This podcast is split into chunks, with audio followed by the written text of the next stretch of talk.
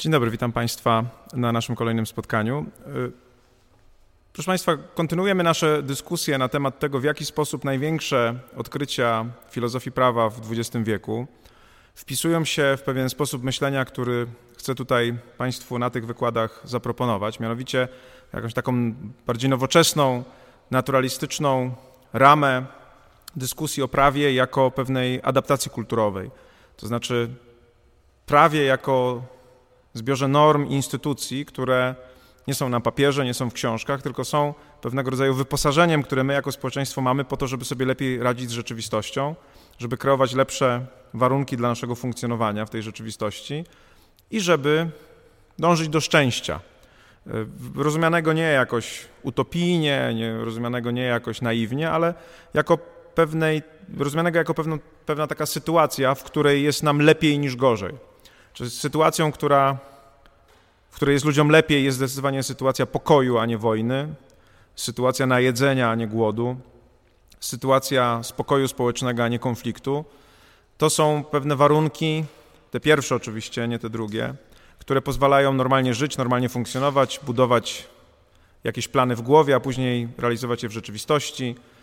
To są pewne warunki, które wydaje się w pewnym sensie obiektywnie są nam potrzebne po to, żeby normalnie funkcjonować. I prawo jest narzędziem, które może to umożliwić, jeżeli jest dobrze pomyślane, jeżeli dobrze jest wdrożone, jeżeli jest dobrze stosowane, a może to utrudnić wtedy, jeżeli jest złe, jeżeli jest źle wdrażane, jeżeli jest źle stosowane. Krótko mówiąc, takie myślenie o prawie jako pewnym narzędziu kreowania rzeczywistości, przygotowywania rzeczywistości do tego, żeby się w niej lepiej żyło, ma kilka bardzo pozytywnych efektów. Przede wszystkim daje nam pewną miarę tego, na ile nasze pomysły dotyczące instytucji prawnych, rozumienia, interpretacji prawa są dobre albo złe. Nie obiektywnie dobre albo złe, ale mierzalne. To znaczy, jesteśmy w stanie przynajmniej przyjąć jakąś miarę, w której możemy dyskutować, która wizja praworządności, która wizja ustroju, która wizja postępowania cywilnego, która wizja postępowania karnego, jaki sposób wymierzania kar, jaki sposób y, y, uregulowania rodzi y, prawa rodzinnego, regulacji rodzinnych jest lepszy lub gorszy z perspektywy tego, które z tych sposobów kreuje po prostu lepszą, lepszą rzeczywistość. To nie jest łatwa odpowiedź. My nie mamy jasnej odpowiedzi, bardzo prostej. O, ten system na pewno jest idealny, a ten system na pewno jest bardzo zły. Mamy tylko doświadczenia. Mamy doświadczenia historyczne dotyczące sytuacji, w których pewne rozwiązania działały, inne nie działały. Y, I zakładamy, że ponieważ generalnie potrzeby człowieka, które Maslow opisuje na swojej piramidzie, są generalnie niezmienne, to znaczy co do zasady na samym dole są pewne potrzeby fizyczne, tak jak potrzeba jedzenia na przykład, czy potrzeba ciepła, a gdzieś wyżej kreuje się, kreują się mm, potrzeby bardziej zaawansowane, czy bardziej wyrafinowane, takie jak potrzeby e, psychiczne, potrzeby kulturowe i tak dalej, i tak. Więc jeżeli zakładamy, że te potrzeby się istotnie nie zmieniają, to znaczy, że możemy się z tej historii uczyć. To znaczy, możemy wiedzieć i wiemy bardzo często, że na przykład ustroje czy rozwiązania, które są dyskryminacyjne, szkodzą społeczeństwu. I to nie tylko szkodzą tym, którzy są dyskryminowani, ale szkodzą całemu społeczeństwu, ponieważ to społeczeństwo nie wykorzystuje potencjału tych, którzy są dyskryminowani. Czy to dyskryminowanych kobiet, czy to dyskryminowanych innych e, grup społecznych, dyskryminowanych mniejszości. Wiemy historycznie, bo tym się także prawnicy, ale nie tylko zajmują, że tego typu działania nie zafunkcjonowały. Wiemy także, jak już wielokrotnie podkreślałem, że prawdopodobnie im więcej decentralizacji, im więcej podziału, im więcej tych elementów checks and balances w systemie. To, takimi elementami jest na przykład niezależne sądownictwo, takimi elementami jest obowiązek posiadania obrońcy w postępowaniu karnym, tym lepiej dla tego kreowania tej rzeczywistości, w której ludzie mogą i chcą funkcjonować. Natomiast nie mamy tutaj jasności i ciągle debatujemy nad tym. Po to są wydziały prawa, po to są prawnicy specjalizujący się w poszczególnych obszarach e, prawa, po to są postulaty de lege ferenda, Czymże są postulaty de lege ferenda? Są po prostu efektem namysłu nad tym, czy jakaś y, regulacja działa, czy nie działa i propozycją, ażeby działała lepiej. I dzięki temu, jeżeli w tym kierunku będziemy zmierzać, jeżeli będziemy mieli ten, ten pomysł, jak to się wszystko y, dzieje, no to mamy szansę na to, że to nasze prawo jutro będzie lepsze niż jest, niż jest dzisiaj. Jednym z elementów tego, czy prawo jest dobre, czy złe, czy działa właściwie, czy nie, czy jest dobrą, czy jest adaptacją, która zwiększa nasze, nasze szanse ewolucyjne, czy też nie, jest jego spójność. I to spójność nie tylko rozumiana logicznie, jako y, jakaś spójność językowa, spójność między regułami, ale także spójność aksjologiczna. I dzisiaj y, porozmawiamy o kolejnym wielkim filozofie prawa dwudziestowiecznym, czyli o Ronaldzie Dworkinie, który zajmował się tą spójnością i zastanawiał się nad tym, jak to jest z, tą, z tym prawem, to znaczy, czy w ramach prawa najważniejsza jest litera, czy być może jest coś jednak takiego, co, się, co nazywamy duchem prawa. Pewnym sensie ja tak lubię przynajmniej mówić o Dworkinie, że Dworkin jest filozofem ducha prawa. On uważa, że my powinniśmy podnieść oczy spoza literalnego brzmienia kodeksów i ustaw i zadać sobie to pytanie, o co w tym wszystkim chodzi, po co to wszystko jest i jakiego rodzaju wizja aksjologiczna stoi za tymi wszystkimi przepisami i postanowieniami, które w prawie umieszczamy. Ronald Dworkin był następcą Herberta Harta w, na katedrze jurysprudencji w Oksfordzie. Ja wielokrotnie opowiadam tę historię, bo ona zawsze jakoś dla mnie jest taką wizją e, odwagi intelektualnej i takie, te, tego, jaki powinien być uczony. Otóż w swoich dziennikach Hart pisze, że kiedy przygotowywał swoją pracę Pojęcie prawa, którą dyskutowaliśmy, gdzie między innymi znajduje się ta kwestia związana z kwestią oddziału, rozdziału prawa i moralności i wielu innych, więc kiedy pracował nad tą książką, pojechał do Stanów Zjednoczonych i tam wykładał na Harvardzie i miał zajęcia z grupą studentów, których poprosił o przedstawienie eseju na temat właśnie rozdziału prawa i moralności i ze zdziwieniem stwierdził, że jeden z tych esejów przedstawia argumenty, z którymi on sobie nie może poradzić, że właściwie ten esej napisany przez studenta e, niszczy pewne, czy, czy uderza w pewne założenia, które Hart w swojej wielkiej książce, niektórzy mówią największej książce XX wieku filozoficzno-prawnej poczynił. Tym, tym, studentem był Ronald Dworkin. E, I później wydawałoby się, że według wszystkich praw na niebie i na ziemi Hart powinien znienawidzić Dworkina, bo tak robi normalny, zwyczajny naukowiec, któremu, którego ktoś krytykuje.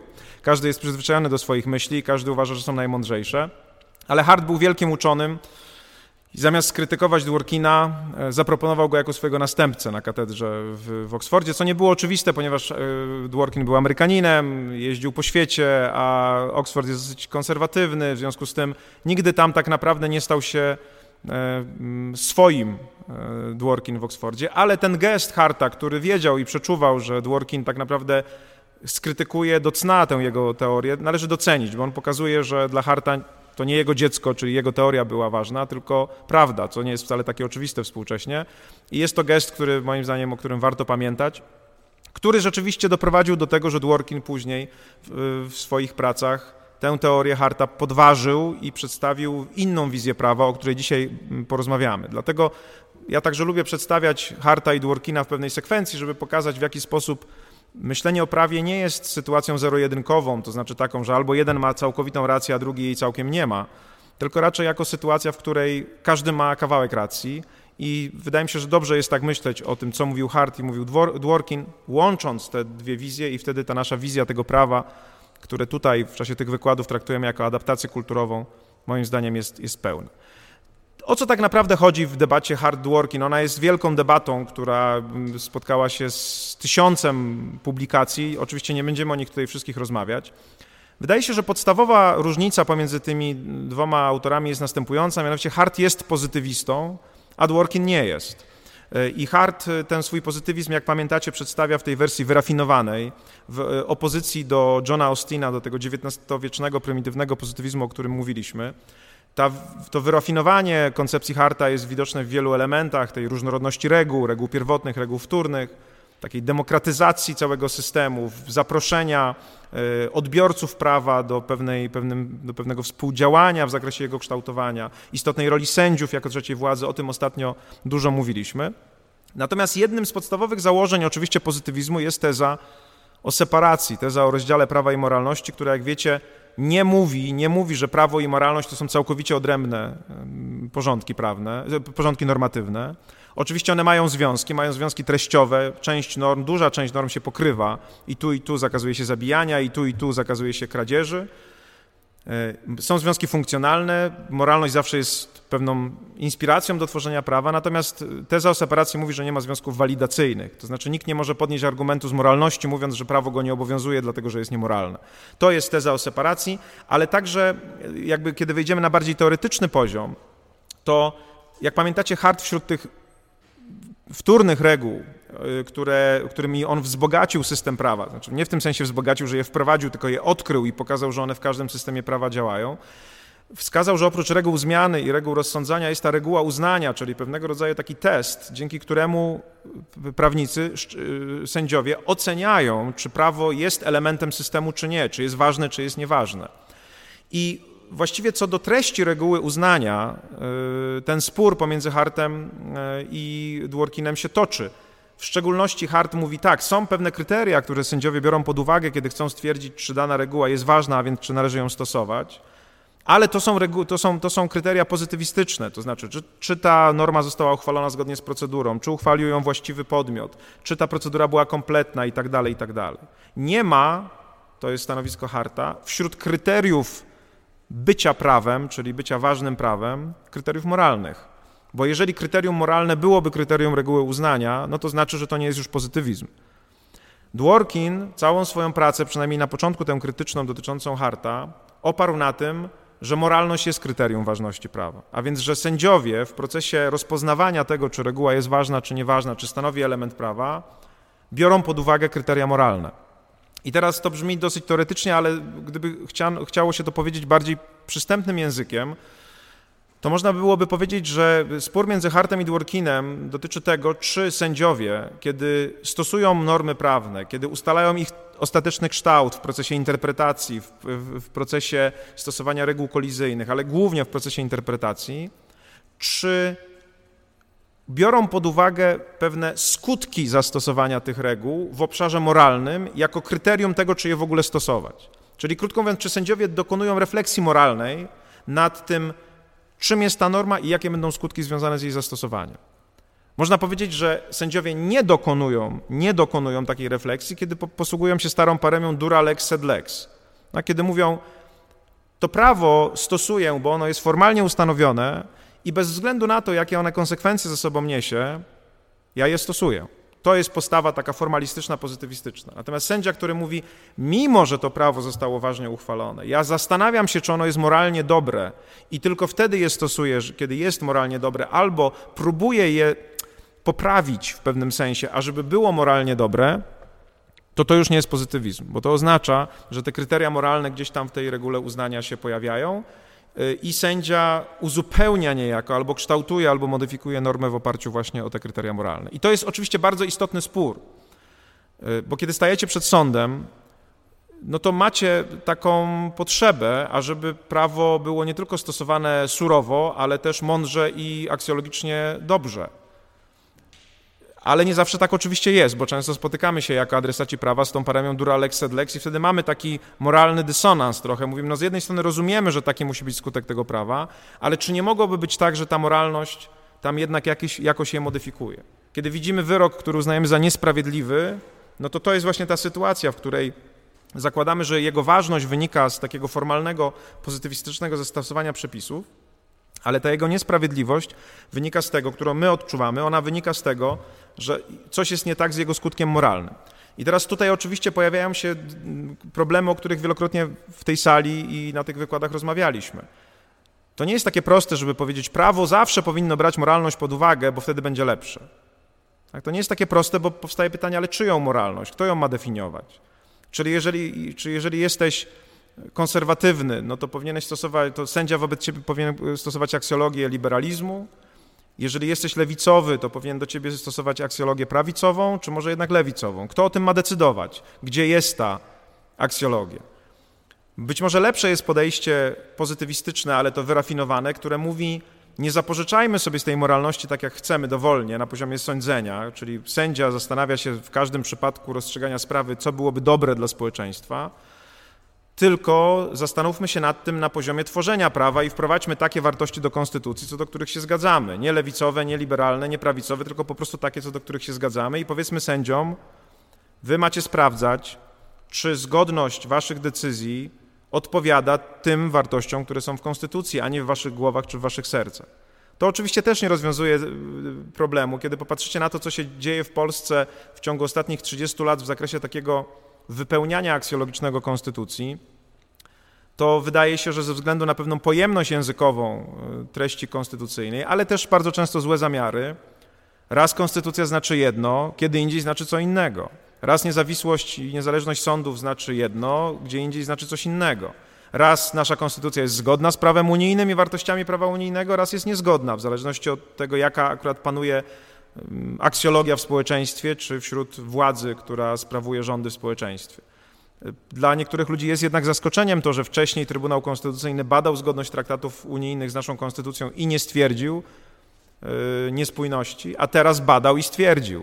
No więc to jest właśnie sytuacja, która pokazuje, że tutaj też ta sprawa nie jest całkowicie rozwiązywalna po prostu prostym stwierdzeniem, ok, zakazujemy sędziom dowolnego, indywidualnego stosowania kryteriów moralnych w stosowaniu prawa, dajemy im pewną moralność zamkniętą w Konstytucji i mówimy, to jest ta skrzynka, z której możecie pobierać moralność. Tak, spoza niej nie możecie pobierać. A oni z tej skrzynki pobierają, ale tak naprawdę do końca nie wiadomo, co w niej jest, bo każdy przyjmuje jakieś swoje rozumienie praworządności, niezależności, może godności, może równości itd. Tak w pewnym sensie Dworkin chciałby pewnie, żeby uczynić to wszystko jakoś bardziej przejrzystym i jego stanowisko przez wielu jest traktowane jako, można powiedzieć, niehipokrytyczne. O, tak.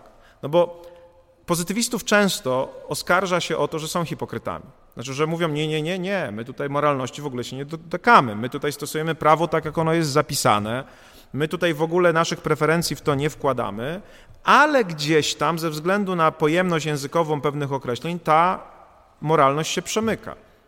I dziwnym trafem, jak w składzie Sądu Najwyższego Stanów Zjednoczonych są sędziowie liberalni, to aborcja jest zgodna z konstytucją, a jak są konserwatywni, to jest niezgodna z konstytucją, mimo że się sama nie zmienia pod względem swojej treści czy tekstu. Jakby interpretacja się zmienia, więc, więc ta hipokryzja pozytywizmu, o której można by było pewnie tak powiedzieć, polega na tym, że nie ma w, niej, nie ma w tym sądzeniu przejrzystości. To znaczy udaje się, że moralność nie decyduje o rozstrzygnięciach, podczas kiedy wiele wskazuje na to, że decyduje. I Dworkin, można powiedzieć, chce skończyć tą hipokryzją i on przychodzi z taką propozycją, którą nazywamy nieraz propozycją trzeciej drogi. To znaczy, on z jednej strony nie jest oczywiście pozytywistą, bo mówi, sędziowie biorą pod uwagę kryteria moralne, kiedy rozstrzygają sprawy, i to biorą pod uwagę kryteria moralne, które nie są wprost stwierdzone w prawie, więc to nie jest taki, taka moralność konstytucyjna, że sędzia po prostu mówi, o tutaj mam tej w konstytucji jakąś zasadę, ona jest wyraźnie rozumiana, więc mogę ją stosować, a nie wiem, nie mogę na przykład stosować moralności religijnej, to jest jasne, bo jest rozdział Kościoła i państwa. Dworkin mówi, to jest bardziej złożone, nie da się uciec od oceny moralnej, więc jesteśmy bardziej przejrzyści. I jak już stwierdziliśmy, że się nie oszukujemy, tylko mówimy, że sędziowie wprowadzają tę moralność do prawa, to zastanówmy się, co zrobić, żeby nie byli w tym zakresie dowolni. Żeby to była moralność wspólna, żeby to była moralność publiczna, która nie jest dyskryminująca, nie jest ani lewicowa, ani prawicowa, tylko właśnie jest wspólna. I czy w ogóle jest to możliwe? Czyli w pewnym sensie Dworkin mówi, skończcie z tym ukrywaniem tego, że ta moralność ma znaczenie, powiedzcie to otwarcie i wtedy będziemy mogli się zastanawiać, co zrobić, żeby ona była w miarę obiektywna albo intersubiektywna, żebyśmy mogli wspólnie decydować, czy dane rozstrzygnięcie oparte na tej moralności rzeczywiście jest oparte na moralności wspólnej, czy na moralności indywidualnej.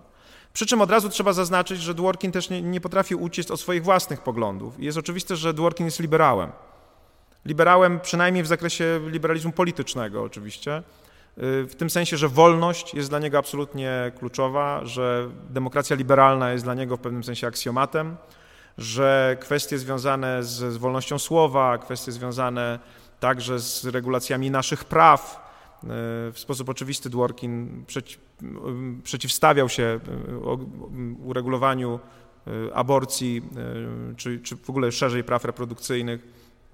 Więc to też jest oczywiście wielka dyskusja dotycząca tego, czy jest on w stanie w ogóle z, z perspektywy swojego światopoglądu sformułować niezależną opinię moralną, czy, czy mówić na temat moralności publicznej. Ale przynajmniej spróbował i nie jest to pozbawione sensu, bo jak powiedziałem, nie bez przyczyny uznajemy go za jednego z najważniejszych filozofów e, prawa XX wieku. Dworkin przedstawił swoje stanowiska w wielu książkach. Najbardziej znanymi z nich mm, jest książ- to są, są dwie, czyli Biorąc prawa poważnie, Taking Rights Seriously i druga książka Laws Empire, czyli Imperium Prawa. Później pisał także kilka innych książek, między innymi, które, które także pokazują to jego stanowisko i je rozwijają. Natomiast my się skupimy przede wszystkim na tym, co przedstawił w Imperium Prawa, bo to jest nie bez przyczyny książka uznawana za jego najważniejsze dzieło. I zobaczymy, na czym to polega, że ta moralność rzeczywiście tam do tego prawa gdzieś się wciska poprzez decyzje sędziowskie i co można zrobić z tym, żeby to było w miarę, w miarę obiektywne. I jak zwykle na samym końcu tego wykładu powiemy sobie, jak to się ma do tej naszej szerszej dyskusji, to znaczy dyskusji, w której prawo jest adaptacją kulturową.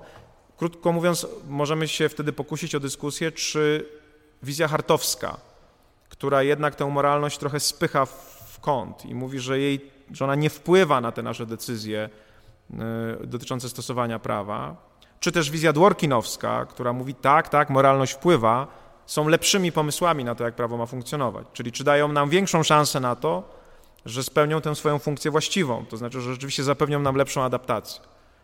Wydaje się w tym momencie, i można, myślę to jasno powiedzieć, że prawdopodobnie jest tak, że to Dworkin ma rację. Że to ta wizja, w której jednak my przyjmujemy tę, tę tezę, że ta moralność decyduje i raczej staramy się to ograniczyć i zastanowić się, w jaki sposób zrobić to, żeby tam nie było pełnej dowolności, wydaje się lepszym, lepszą wizją i lepszym, lepszym podejściem do prawa, ale to także będziecie mogli później ocenić. Takim kazusem, który bardzo często podaje się w przypadku dyskusji nad, y, w tej debacie Working Hard, jest kazus Riggs versus Palmer, czyli sprawa wnuka, to jest amerykański kazus, który Dworkin omawia, wnuka, który otruł swojego dziadka, kiedy dowiedział się, że ten dziadek zamierza zmienić testament i zamierza tego wnuka z tego testamentu wyrzucić. No więc sytuacja rodzinnej tragedii, gdzie Elmer, czyli właśnie wnuk, najpierw cieszy się szacunkiem swojego dziadka, zaufaniem, a później z jakiegoś powodu traci je, ale żeby uniemożliwić dziadkowi zmianę tego testamentu, wnuk truje tego dziadka, dziadek umiera.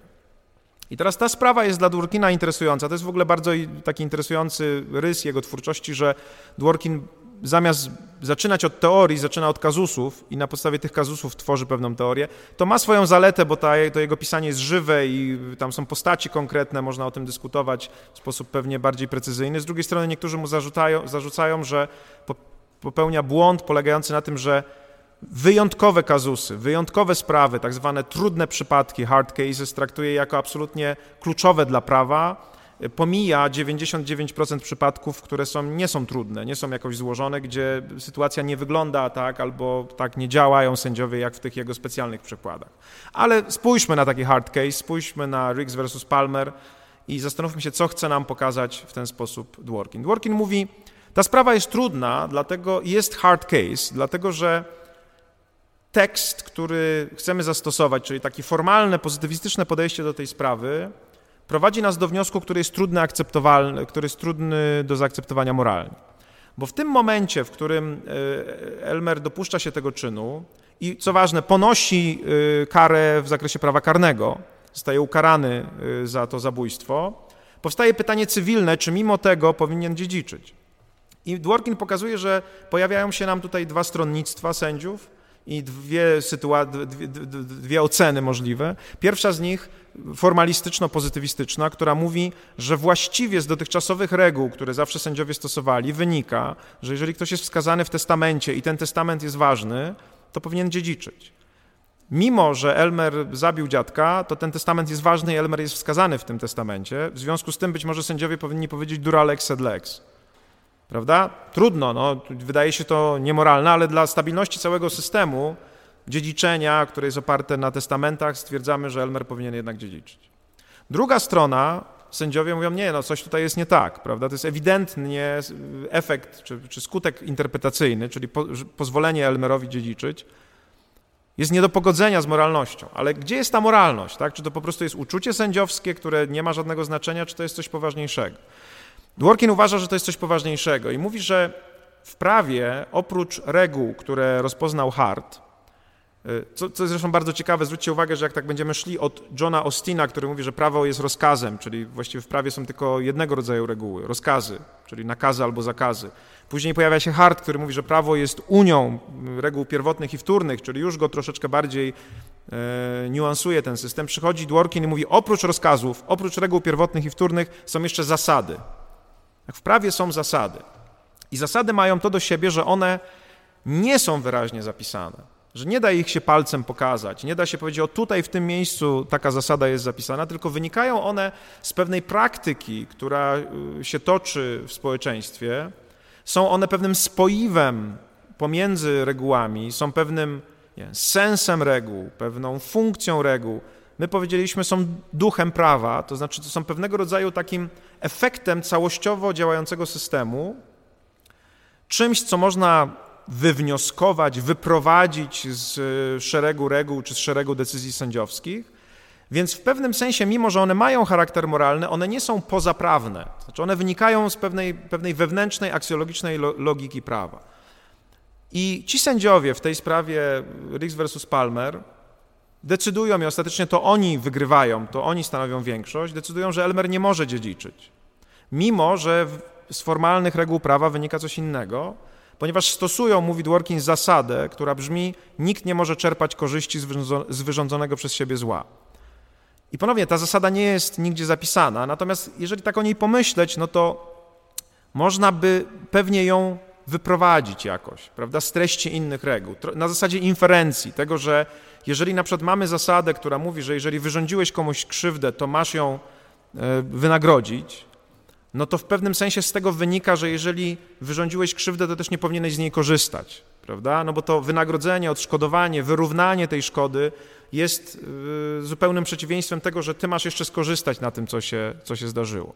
Oczywiście to nie jest jednoznaczna teza, ale można by było powiedzieć, że jeżeli na przykład spojrzy się nawet do polskiego kodeksu cywilnego, do prawa zobowiązań z jednej strony w pewnych przypadkach albo do prawa czynów niedozwolonych, to na tej podstawie dałoby się pewnie jakieś tam zasady wyprowadzić. One nie zawsze muszą być sformułowane. Pewnie tak samo jest y, z prawem rodzinnym, tak samo jest z postępowaniem cywilnym. Nie wszystkie zasady są zapisane, mimo to można je wyprowadzić. Takie wyprowadzenie zasad, jak już Wam mówiłem, bardzo często jest w prawie konstytucyjnym, za co sędziowie sądów konstytucyjnych są krytykowani. E, kiedyś e, na początku funkcjonowania mm, polskiej demokracji po 1989 roku pewna część prawników krytykowała Trybunał Konstytucyjny za to, że tak jakby rozpycha czy rozdmuchuje artykuł 2 Konstytucji e, zasadę demokratycznego państwa prawnego i wyprowadza z niej całą masę różnych reguł, różnych zasad, między innymi zasadę proporcjonalności, która wprost w samym brzmieniu zasady państwa prawnego nie jest stwierdzona. No i oczywiście tutaj też można powiedzieć, że są dwa obozy. Jeden obóz mówi tylko to, co zapisane, to może być przez sędziów wykorzystywane. Ponieważ nie ma, w małej konstytucji nie było zasady proporcjonalności, ale była zasada mm, państwa prawnego, no to jeżeli nie ma zasady proporcjonalności, to taka sytuacja, kiedy sędziowie ją, jej się doszukują, wyinterpretowują ją, jest zbyt bliska prawotwórstwu. Ona, można powiedzieć, kreuje reguły, a nie stosuje, mówią jedni. Z drugiej strony, y, mówią inni, no trudno sobie wyobrazić demokratyczne państwo prawne, które działa nieproporcjonalnie, tak? które na przykład karze niewspółmiernie do, do winy. To są rzeczy, które się ze sobą wykluczają. Y, I to też jest jakiś argument, bo przecież te, te zasady nie zostały tak sobie wyprowadzone.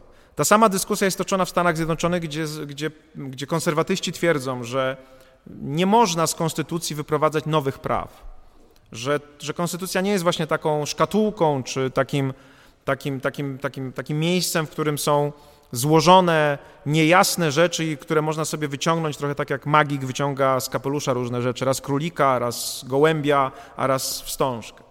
Krytycy takiej dowolności sędziowskiej, między innymi Jack Bolkin, taki znany konstytucjonista, mówi, cytując Foresta Gampa, że dla niektórych konstytucja jest jak pudełko czekoladek. Nigdy nie wiadomo, na co trafisz, prawda? Nigdy nie wiadomo, co się z niej wyciągnie. To jest ta sytuacja, w której jest zbyt dużo dowolności. I to jest między innymi sytuacja, z którą też Dworkin chce walczyć i zaraz o tym powiemy. Natomiast pierwsza rzecz, która płynie z tej, z tej dyskusji na temat kazusu Riggs versus Palmer jest taka, że rzeczywiście w niektórych sprawach sędziowie powołują się na pewne aspekty moralne, one odgrywają pewną rolę, no i wtedy my musimy sobie odpowiedzieć na pytanie, czy to jest błąd, czy to jest coś dobrego. Tak? Czy sędziowie nie powinni tak robić, bo wtedy właśnie dbają o to, żeby prawo dawało pewne, pewne benefity społeczeństwu. Zwróćcie uwagę, że tutaj już się po raz pierwszy pojawia pewnego rodzaju napięcie pomiędzy tym myśleniem, które ja tutaj promuję, czyli tym myśleniem o prawie jako całościowym narzędziu, które ma nas dostosowywać do rzeczywistości, adaptować do rzeczywistości i pozwalać nam wieść lepsze życie jako społeczeństwu. Mianowicie powstaje pytanie, powstaje pytanie, czy ci, którzy kierują się wizją formalistyczną, To znaczy mówią, że tylko to, co zapisane, y, czasami nie kreują porządku prawnego, który jednak jest gorszy adaptacyjnie. No bo zobaczcie, jeżeli, skąd, skąd na przykład u sędziów pojawia się ta, to, to myślenie, że y, jeżeli na przykład mamy zasady demokratycznego państwa prawnego, ale nie mamy zapisanej zasady proporcjonalności, to mimo to możemy wyprowadzić zasadę proporcjonalności. Czyli skąd się bierze to tak zwane inferowanie jednych reguł z drugich? Ono jest niemożliwe bez wyobrażenia sobie jakiegoś świata. Nawet kiedy ja wam mówiłem o tym, że uzasadnione jest wyprowadzenie zasady proporcjonalności z zasady demokratycznego państwa prawnego, to powiedziałem, bo trudno sobie wyobrazić państwo, które jest demokratyczne prawnie, ale jednocześnie karze w sposób nieproporcjonalny. Czyli ta sytuacja, w której my myślimy kategoriami pewnego świata, w którym mają znaleźć swoje miejsce pewne zasady, w pewnym sensie wymusza na nas nieraz domyślanie pewnych rzeczy. Być może pamiętacie, że na jednym z pierwszych wykładów mówiłem o tym, że w tej wizji, którą tutaj promuję, można prawo traktować jako projekt budowlany. Polega to na tym, że on nie jest po prostu tylko kartką papieru, tylko jest pewną wizją rzeczywistości, która ma się zrealizować. I jeżeli w, na tej kartce papieru, którą jest projekt, pewnych rzeczy nie ma, ale są inne, na przykład jeżeli jest przewidziane piętro trzecie, ale zapomniano o piętrze drugim, no to papier jest cierpliwy, papier to przyjmie. Natomiast nie da się wybudować domu, który ma piętro trzecie, ale nie ma piętra drugiego. Trzeba je domyślić. Tak? Jeżeli jest jasne, że ma stanąć strop, ale nie ma podpory tego stropu, no to nie można po prostu zawiesić go w powietrzu, tylko trzeba tam domyślić słup, który wesprze e, ten, ten dach. No i ktoś może powiedzieć, nie wolno ci, konstruktorze czy budowniczy, dlatego że ty masz się formalistycznie stosować do tego projektu. Nieważne, że to się zawali, masz po prostu tak zrobić, bo tak stoi w projekcie. Jest wielu prawników, którzy tak myślą. Myślą, no ja po prostu stosuję to, co jest zapisane, dura lex sed lex, niech się świat zawali. Im jest łatwiej, dlatego że jak oni wydadzą zły wyrok formalistyczny, no to żaden dom się najczęściej nie zawala, ale nie oznacza to, że ludzie nie cierpią. Mówiliśmy o tym, że na przykład sprawa reprywatyzacji, która jest dobrym przykładem takiej analizy, gdzie się stosuje formalne prawo bez myślenia o skutkach moralnych, doprowadza do sytuacji, w której jednak ludzie cierpią. I to jest bardzo poważny problem, któremu pewnie także Dworkin chce zaradzić, to znaczy chce prawników wezwać do refleksji moralnej przy jednoczesnym założeniu, że oni nie są całkowicie dowolni w tej refleksji. Czyli, że jednak mówi, słuchajcie, no jak macie taki przypadek Elmera i widzicie, że prawo formalne mówi wam jedno, ale widzicie też, że to, co wam mówi, jest nie do pogodzenia z pewnymi zasadami moralnymi, które są w prawie, bo przecież prawo nie jest amoralne, no to musicie znaleźć sposób takiej argumentacji, który pozwoli pogodzić jedno z drugim. No jest to pewne myślenie, które na pewno bierze pod uwagę mm, tę wizję tego przyszłego świata, wizję tego, co ma e, powstać i jest na pewno wizja Dworkina bardziej taka pragmatyczna, no ale rodzą się, wiążą się z nią też pewne, pewne, pewne problemy. Problemy polegające na tym, że ona może sprowadzić na, e, może sprowadzić na prawnika taką właśnie pokusę promocji swoich własnych, indywidualnych preferencji, a nawet jeżeli on nie ma takiej pokusy, to pamiętajmy, że nikt z nas nie jest przezroczysty aksjologicznie, że nikt z nas nie jest czystą kartą aksjologiczną. Każdy jest jakoś wychowany, każdy w coś wierzy, jeden w jedno, drugi w drugie. Każdy z nas ma jakieś preferencje, na kogoś głosuje, pewne ideały są mu bliższe, czy to liberalne, czy lewicowe, czy prawicowe, czy religijne, czy ateistyczne, wszystko jedno. Nie jesteśmy puści, nie jesteśmy, nie jesteśmy mm, białymi kartami, w związku z tym zawsze przynosimy ze sobą jakąś war, jakieś wartości. No i Dworkin także ostrzega przed tym, że istnieje ryzyko, że my oczywiście nawet nieświadomie będziemy promowali te wartości, bo tak te wartości są elementem naszej wizji przyszłego społeczeństwa, w którym chcielibyśmy, chcielibyśmy żyć. Ta idea zasad, które wprowadza, mm, wprowadza Dworkin jest interesująca, ponieważ on pokazuje, że istnieje kluczowa różnica pomiędzy zasadami prawa a regułami prawnymi, i tłumaczy to wskazując, że reguły są zero-jedynkowe, to znaczy, że jeżeli mamy zakaz albo nakaz, ale nawet także reguły dokonywania czynności prawnych, czyli te reguły wtórne harta, to ta ich zero-jedynkowość polega na tym, że albo je się stosuje, albo nie. Albo jest się z nimi zgodnym, albo nie. Nie da się być trochę w ciąży, tak samo nie da się jednocześnie być w limicie prędkości i przekraczać ten limit. Albo jedzie się zgodnie z limitem 50 km na godzinę, zabudowanym albo się go przekracza. Tertium non datur. Więc reguły stosuje się zero-jedynkowo, albo umowa jest ważna, albo umowa jest nieważna. Nawet jeżeli są pewne pośrednie stadia nieważności, to też można stwierdzić, jakie one są. Tutaj mówię o tym, że także reguły wtórne mają tę zero-jedynkowość. Tymczasem, mówi, Hart, mówi Dworkin, zasady stosuje się na zasadzie ważenia, suwaka. To znaczy, one zawsze wchodzą w pewien konflikt ze sobą i jedną z nich stosuje się bardziej, drugą mniej. To ważenie zasad, które staje się coraz bardziej popularnym sformułowaniem w filozofii prawa i w ogóle w praktyce prawnej, wynika z tego, że zasady bardzo często właśnie wchodzą parami, tak jak nieszczęścia. To znaczy w tym sensie, że wchodzą w konflikt ze sobą i trzeba zdecydować, który, którą z tych zasad stosować bardziej, a którą mniej. Jeżeli popatrzymy na tę sytuację Elmera, e, kazusu Riggs versus Palmer, to tam ewidentnie jest tak, że pewna zasada moralna, to znaczy czy zabójca może korzystać z majątku y, kogoś, kogo zabił, wchodzi w konflikt z tą zasadą, że y, stabilności prawa, bezpieczeństwa prawnego, że jeżeli w czynności prawnej ktoś jest wskazany jako ktoś, kto ma dziedziczyć, no to, to ma dziedziczyć. I tutaj sędziowie akurat decydują na rzecz, y, na rzecz zasady tej moralnej. Zwróćcie uwagę, że tu się dzieje bardzo ciekawa sprawa. Oczywiście w tej sprawie konkretnej ten suwak bardzo dziwnie działa, można powiedzieć, bo on nie jest ustawiany na środku. Trochę stabilności prawnej, trochę moralności, tylko 100% moralności, no bo jednak kwestionuje się to, że Elmer był wskazany, czy pomija się to, że Elmer był wskazany jako dziedziczący w testamencie i promuje się w 100% tę zasadę moralną. Ale na poziomie całości systemu sytuacja nie jest zero-jedynkowa, bo w niektórych sprawach popiera się tę stabilność, formalność, a w innych popiera się tę e, moralność, która gdzieś tam w prawie istnieje. I tu można powiedzieć, że na poziomie prawa dochodzi właśnie do takiego ważenia zasad. Kiedy pomyślicie o jakiejkolwiek innej zasadzie, nawet zasadzie konstytucyjnej, to zobaczycie, że ona też na zasadzie takiego ważenia wchodzi w interakcję z innymi zasadami. Mamy w konstytucji zasadę swobody działalności gospodarczej i gdyby ona była realizowana w 100%. Gdyby była realizowana na zasadzie zero-jedynkowej, to mielibyśmy tylko dwie sytuacje. Albo można by było robić absolutnie wszystko. Byłaby absolutna wolna amerykanka, absolutnie skrajny kapitalizm, nie byłoby prawa pracy, nie byłoby podatków, nie byłoby żadnych ograniczeń ze względu na środowisko, nie byłoby żadnych innych ograniczeń, czyli powiedzmy taki kapitalizm, wczesny kapitalizm, gdzie absolutnie robić można wszystko i dopiero później zaczyna się obudowywać go ograniczeniami albo w ogóle działalność gospodarcza nie byłaby dozwolona. Tak? Byłby jedynie monopol państwa. To byłaby sytuacja, gdyby zasada swobody działalności gospodarczej była zero-jedynkowa. Tylko te dwie opcje by istniały. Oczywiście mamy wiele pośrednich stanów i każdy kraj, w tym Polska, jest przykładem tego, że te wartości się waży, to znaczy waży się swobodę działalności gospodarczej na przykład ze zdrowiem publicznym, tak? Nie wolno produkować, sprzedawać narkotyków, nie wolno reklamować alkoholu, są ograniczenia w zakresie tytoniu, dostępności, e, bo wiadomo, że można by było na tym zbić ogromne pieniądze, ale zdrowie jest ważniejsze. E, są ograniczenia z, punktu, z perspektywy prawa pracy.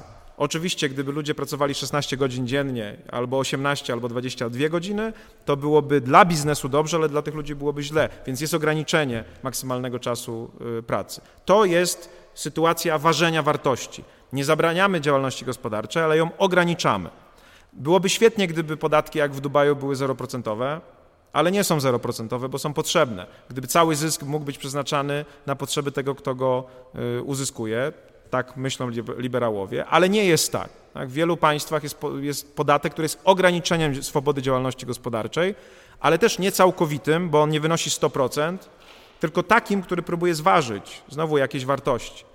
Swobodę działalności gospodarczej i potrzeby życia publicznego, potrzeby życia w społeczeństwie, w grupie, finansowanie dróg, finansowanie szkół, przedszkoli itd., tak itd. Tak Więc jak widzicie, ta idea ważenia wartości jest interesująca i Dworkin, podkreślając tę różnicę pomiędzy zasadami i regułami, ma oczywiście rację, to tak rzeczywiście jest, My nie wiemy do końca, mimo że Dworkin próbuje to robić, jakie są kryteria tego ważenia. My tak naprawdę jako prawnicy próbujemy się uczyć tego. Najlepszym przykładem to jest zasada proporcjonalności, która mówi o tym, że, mus, że nie da się do, dowolnie ograniczyć, nie wolno dowolnie ograniczać e, praw i wolności. Trzeba to robić według pewnych kryteriów, które zasada proporcjonalności ustala. I to jest próba jakiegoś ucywilizowania tego ograniczenia, gdzie się mówi, że tylko wtedy wolno ograniczyć, kiedy jest to konieczne, kiedy to jest skuteczne, kiedy to jest proporcjonalne sensu stricto i tak dalej, i tak dalej. To pokazuje, że my no, powinniśmy toczyć tak naprawdę debaty non-stop dotyczące tego, jak to ograniczenie ma wyglądać. Te, te debaty nie są łatwe. Y, w Polsce od wielu, wielu lat toczy się dyskusja dotycząca na przykład ubezpieczeń zdrowotnych i tego, czy one powinny być tylko publiczne, czy też powinny mieć w sobie element prywatny. Niektórzy uważają, że trzeba wprowadzić element prywatny w zakresie ubezpieczeń zdrowotnych, bo służba zdrowia publiczna, jej finansowanie nie wydala po prostu. To nie jest rozwiązanie, które, które zapewnia nam e, skuteczną ochronę naszego zdrowia, bo i tak ogromne pieniądze wydajemy z naszej kieszeni poza tym systemem na prywatne leczenie i na różnego rodzaju inne, inne usługi. Nie mamy doświadczenia w tym, nie wiemy, czy te usługi, które dostajemy, są profesjonalne, więc być może lepiej by było mieć pośrednika, którym byłby y, y, prywatny ubezpieczyciel, który by pobierał od nas składkę i kupował jako profesjonalista od profesjonalistów zdrowotnych tego rodzaju świadczenia. Ale są inni, którzy mówią nie, bo wtedy nam się społeczeństwo podzieli na dwie grupy biednych i bogatych. Tych, ci, którzy będą mieli pieniądze, będzie ich stać na lepsze świadczenia, będą mieli dostęp do lepszych lekarzy i lepszych szpitali, a ci, których nie stać, będą mieli dostęp do gorszych. Można sarkastycznie zapytać, a nie jest tak już teraz? Prawda? No jest w dużej mierze, więc właśnie z tego powodu pewnie ten system należałoby zmienić. I mamy przykłady takich systemów, które z sukcesem to zmieniły, jak na przykład system holenderski, gdzie udało się zbalansować, jak się zdaje, element publiczny z elementem prywatnym w ubezpieczeniach zdrowotnych, bez szkody dla równości społecznej, bez szkody dla e, pewnego rodzaju e, tych oczekiwań właśnie takich aksjologicznych. Y, krótko mówiąc, ten przykład, który jest bardzo doniosły, no bo w Polsce mówi się, że jeżeli my tej debaty nie będziemy prowadzić na temat ważenia tego, co publiczne i prywatne w służbie zdrowia, to rozbijemy się za moment o ścianę demograficzną, tak? bo wszyscy boomerzy do, dotrą do tego wieku, w którym świadczenia zdrowotne kosztują najwięcej, tak? to jest końcówka życia, gdzie człowiek zaczyna chorować i, i w końcu umiera a ci, którzy mają na nich pracować i płacić te składki, będą w mniejszości, dlatego że będą pochodzili już z niżu demograficznego. Więc jako społeczeństwo powinniśmy zacząć dyskusję na temat ważenia tych wartości, to znaczy, czy tak bardzo boimy się uderzenia w tę równość, yy, także różnie rozumianą przez różne osoby, że absolutnie do żadnej zmiany nie doprowadzimy, czy jednak powinniśmy się zastanowić nad ważeniem tych wartości, czyli trochę więcej tego, co prywatne. Zwłaszcza, że nasza konstytucja na to pozwala. Wyroki Trybunału Konstytucyjnego pokazują wyraźnie, że jest jasne jedyne, jedynie jedno, że Polska Służba Zdrowia nie może być w całości prywatna, tak? bo przepisy konstytucji wyraźnie wymagają służby publicznej. Ale to, czy ma element prywatny, czy nie, jest możliwe. Więc to byłby na przykład bardzo doniosły problem. Ja go specjalnie podaję tutaj Wam, żeby pokazać, że on jest ważny dla każdego z nas, bo jak to mówią lekarze, każdy był, jest albo będzie pacjentem. Tak? To jest tylko kwestia czasu. Więc to jest sprawa ważna dla nas wszystkich, jak to będzie działało i zwróćcie uwagę, że tutaj akurat to, na ile instytucje prawne regulujące świadczenia zdrowotne są dobre albo złe, skuteczne albo nieskuteczne, w sposób bezpośredni, można powiedzieć, czy najbardziej bezpośredni, decyduje o tym, jak system, e, że system może być sprawą życia i śmierci. No bo to czy są pieniądze na refundację, to czy są pieniądze na świadczenia, czy też ich nie ma, bo gdzieś tam wyciekają z tego systemu, no to to może być sprawa życia i śmierci bardzo często, więc, więc w sensie literalnym, w sensie ścisłym. Krótko mówiąc, to, co mówi Dworkin, to znaczy, że my nie możemy uciec od ważenia wartości i jako społeczeństwo musimy ciągle o tym dyskutować, to to jest prawda. Oczywiście Dworkin pokazuje, niektórzy mówią, że ze względu na to, że ma ustawione myślenie na system amerykański, w którym rola sądownictwa i sędziów w rozstrzyganiu takich spraw, zwłaszcza ze względu na system common law, jest większa niż u nas, y, głównie przesuwa ten ciężar ważenia na sędziów. My w naszym systemie kontynentalnym moglibyśmy powiedzieć, że być może lepszym kandydatem do ważenia jest sprawodawca, który może się właśnie nad tymi kwestiami zastanawiać. Ale tu na moment wracam do wcześniejszego wykładu. Jeżeli ten prawodawca jest szeryfem, który z nikim nie chce rozmawiać, po prostu wyznaje kult siły i nie stosuje tego nawet hartowskiego, takiego dialogowego systemu, w którym chce poznać potrzeby innych, chce zrozumieć, jakie one są, jest otwarty na dyskusję, no to gdzie mówić o jakimkolwiek ważeniu? Jeżeli ktoś nie wie, jaka waga stoi po drugiej stronie w, w wartości, która dla ludzi jest ważna, a być może dla niego nie, no to w jaki sposób może je w ogóle ważyć? Tak? Mamy na przykład, no teraz toczy się dyskusja na temat zwiększenia składki ZUS-owskiej. Prawda? I są tacy, którzy mówią, to jest nadmierne ograniczenie swobody działalności gospodarczej. Ci ludzie już nie będą w stanie prowadzić tej działalności gospodarczej, jeżeli te składki będą tak duże. Zwiększa się danina publiczna, no więc waży się tutaj zasadę w taki sposób, że ważniejsze jest dobro wspólne, dobro publiczne niż dobro indywidualnych przedsiębiorców. A ktoś mówi, no jak nie mają na składki ZUS-owskie, to może nie powinni prowadzić działalności. Niech płacą i płaczą. Tak? To jest inne ważenie. No i to jest też dyskusja, która musi się toczyć. Natomiast jeżeli w tej dyskusji nie ma rzeczywistego głosu czy wysłuchania tej drugiej strony, no to nie ma co ważyć, no bo, no bo wydaje się, że po drugiej stronie nie ma żadnej wartości, z którymi należałoby cokolwiek, cokolwiek zważyć. Prawda? To, to trochę tak, jak gdyby teraz podjąć decyzję jednak o tym, że Polska opuszcza Unię Europejską. Tak, w czyim imieniu byłaby ta decyzja podjęta? Starszej części społeczeństwa, dla której to nie ma takiego znaczenia, czy młodszej części społeczeństwa, dla której być może ma większe znaczenie pozostanie w Unii Europejskiej? Sytuacja, w której nie prowadzi się dialogu międzypokoleniowego, nie prowadzi się, nie rozważa się jednak dobra wspólnego, tylko raczej dobro takie partykularne, powoduje, że w ogóle nie ma czego ważyć, bo jeżeli ktoś nigdy nie był przedsiębiorcą albo zapomniał, że był młody, no to nie jest w stanie zważyć tych wartości, bo one w ogóle dla niego nie istnieją. Więc taka monologiczna wersja prawa, w której nikt z nikim nie rozmawia, tylko przychodzi szeryf i mówi: Wygrałem wybory, więc teraz wam urządzę życie.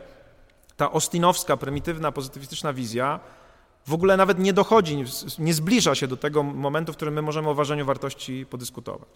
A biorąc pod uwagę to, co jest przyczyną między innymi wzrostu znaczenia prawa kosztem moralności, czyli tego, że społeczeństwo nam się różnicuje pod względem poglądów religijnych, y, niereligijnych, moralnych, światopoglądowych, no jeżeli nie zaczniemy ważyć tych wartości, to się prawdopodobnie pozabijamy, dlatego że po prostu prawo stanie się areną walki, w której zwycięzca bierze wszystko. Jak wygrywa konserwatysta, to wszystko jest konserwatywne. Jak wygrywa liberał, to wszystko jest liberalne. Nie ma żadnego wyważenia, nie ma, nie ma niczego pośrodku. To zresztą widać, myślę, że widzicie to tak, że, żeby uciec już od polskiego podwórka właśnie w Stanach Zjednoczonych, prawda? Gdzie, gdzie sytuacja walki o Sąd Najwyższy, tego kto tam będzie, czy tam da się wepchnąć jak najmłodszych sędziów z jak najbardziej konserwatywnymi poglądami, kiedy rządzą republikanie, albo jak najmłodszych sędziów z jak najbardziej liberalnymi poglądami, kiedy rządzą demokraci, jest walką o uzyskanie wpływu na życie całego społeczeństwa. No i pytanie, czy rzeczywiście, niektórzy będą pewnie twierdzili, że w tym spolaryzowanym społeczeństwie, jakie teraz funkcjonuje na świecie właściwie wszędzie, może w ogóle wizja dworkinowska ważenia czegokolwiek jest, jest już przestarzała. Może już nic się nie waży, tylko właśnie ktoś wygrywa jednym głosem, dziesięcioma głosami i uważa, że może wszystko, dlatego że zmienia świat w swoim kierunku. Znowu do, po, kusząc się o pewien komentarz z perspektywy tej, tej wizji, którą tu przedstawiam, historycznie wszystko wskazuje na to, że taka konfliktowa wizja prawa, czy taka wizja, w której prawo jest bronią, tak, w którym się kogoś uderza, knebluje albo odbiera mu się jego prawa i cieszy się, że się wygrało, jest adaptacyjnie wadliwa. Czy to jest sytuacja, nikt nie, nikt nie rządzi wiecznie. To jest sytuacja, w której ten, to wahadło się odwróci. I to, z czym mamy teraz do czynienia, to jest bardzo często taka sytuacja właśnie, że jak wygrywa jedna siła polityczna, to próbuje zoligarchizować państwo, u, u, okopać się w pewnych, w pewnych y, okopach właśnie politycznych i instytucjonalnych, tak żeby jej nigdy nie stracić, ale ostatecznie i tak ją traci, no pod warunkiem, że oczywiście nie zakwestionuje praw demokracji i wtedy druga strona czuje się uprawniona do tego, żeby zrobić to samo, tylko w drugą stronę. Tak? Czyli jak wygrywają katolicy, to mamy bardzo surowe przepisy dotyczące aborcji, ale jak wygrywają ateiści, to w ogóle ich nie mamy i mamy pełno, pełno, pełen liberalizm. Czy można znaleźć jakiś złoty środek? No to jest także pytanie, które w pewnym sensie Dworkin stawia chociaż na innym poziomie. Tak? Czy jesteśmy w stanie wyważyć te wartości i zbudować społeczeństwo w taki sposób, żeby nie toczyć ciągłych tych wojen aksjologicznych, przeciągając linę w jedną albo w drugą stronę, tylko postarać się znaleźć jakiś kompromis, słowo skompromitowane niestety współcześnie. Tak? To, że słowo kompromis jest skompromitowane, to jest w ogóle już sam problem, problem sam w sobie. Oprócz zasad, o których mówi Dworkin, które, z których sędziowie korzystają, y, kiedy, kiedy orzekają, y, korzystają sędziowie także jeszcze z jednego rodzaju standardów, o których mówi, o których, które, które Dworkin, można powiedzieć, odkrywa w pewnym sensie, czy na nie wskazuje. On nazywa te standardy policies, czyli to są jakieś takie kierunki polityki, takie rozstrzygnięcia kierunkowe dotyczące pewnych, pewnych obszarów naszego życia społecznego. Y, policy to nie jest koniecznie polityka rozumiana jako brudna gra polityczna, tylko policy to jest pewnego rodzaju rozstrzygnięcie dotyczące kierunku rozwoju społeczeństwa. Na przykład możemy sobie wyobrazić, że w zakresie właśnie ochrony zdrowia jedna policy, czyli jeden kierunek to jest stawianie na całkowitą czy na bardzo silną rolę państwa, Inna policy to jest stawianie na aktywność prywatną, czyli właśnie na ubezpieczenia, na przykład prywatne ubezpieczenia zdrowotne czy prywatną służbę zdrowia. To są pewne kierunkowe rozstrzygnięcia. Kiedy myślimy o państwie czysto liberalnym versus państwo o charakterze welfare state, to też są takie rozstrzygnięcia dotyczące policy, tak? czy chcemy być bardziej państwem opiekuńczym, czy chcemy być bardziej państwem e, nocnego stróża, tak? czyli takim, w którym rząd się nie angażuje w ogóle w, działania, pozwala ludziom robić to, to, co chcą.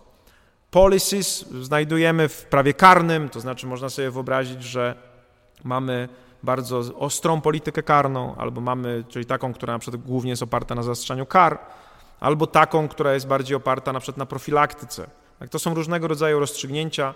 W, w ostatnich dziesięcioleciach taką policy, która staje się coraz ważniejsza i która no, pomału będzie być może decydowała w ogóle o większości obszarów naszego życia, jest policy dotycząca ochrony środowiska. Tak, ten temat, który we wczesnym rozwoju kapitalizmu w ogóle nie był istotny, później zaczął troszeczkę być istotny. Ja pamiętam, że on dla mnie na przykład zaczął być istotny, jak zaczęto nas straszyć dziurą ozonową, prawda? To był taki pierwszy moment, kiedy ludzie zaczęli myśleć, kurczę, może my rzeczywiście mamy jakieś zagrożenie, które wcale nie wynika z zimnej wojny albo, albo z mm, bomby atomowej, tylko z tego, że zepsujemy środowisko, w którym żyjemy. Teraz ten temat jest zupełnie niewspółmiernie większy tak, i wielowymiarowy i pokazuje ogromne zagrożenia i zmusza nas niestety, czy stety wreszcie do tego, żeby podjąć pewne decyzje o charakterze policies, co robimy, tak, już nie nawet na, na, na poziomie państw, tylko na, na poziomie świata. W jaki sposób promujemy zieloną energetykę, w jaki sposób podchodzimy do problemów związanych z zanieczyszczeniami, z produkcją plastiku itd., tak itd. Tak to są, też są rozstrzygnięcia o charakterze policy. I teraz uwaga, to jest ciekawe, bo Dworkin mówi, i to, jeżeli ktoś to płytko rozumie, to bardzo łatwo postawić mu zarzut, że sędziowie powinni brać pod uwagę policies. Tak, że sędziowie powinni brać w rozstrzyganiu pod uwagę policies. I to, to twierdzenie może się wydawać problematyczne, no bo to by trochę oznaczało, że sędziowie nie mają patrzeć na prawo znowu, tylko na, pewne, na pewną wolę polityczną, na pewne rozstrzygnięcia o charakterze politycznym, a przecież jesteśmy od dziecka uczeni jako prawnicy, że Temida jest ślepa, tak? że ona nie patrzy, czy ma zasłonięte oczy, ona nie patrzy na, te, na, te, na, na, na to, co mówi polityka i że sędziowie mają być niezależni od polityków.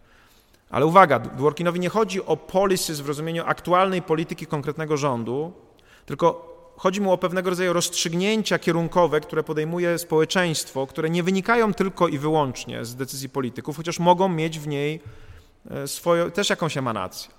Chodzi mu tu o pewnego rodzaju właśnie kierunki w których społeczeństwo się rozwija i zmienia się aksjologia społeczna, którą sędzia jako członek tego społeczeństwa musi też rozpatrywać.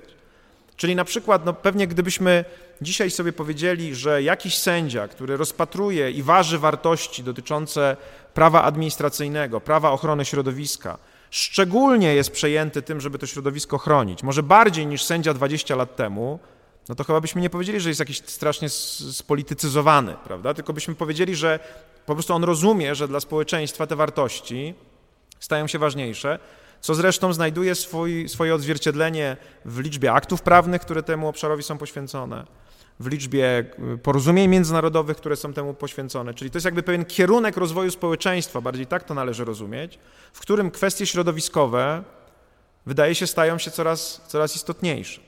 No ale oczywiście mamy także policies, które idą zupełnie w innym kierunku. Tak? Są ludzie, którzy mówią, a tam nie straszcie nas tym kryzysem, prawda, tym, tym, tym klimatycznym. To jest wszystko rozdmuchane.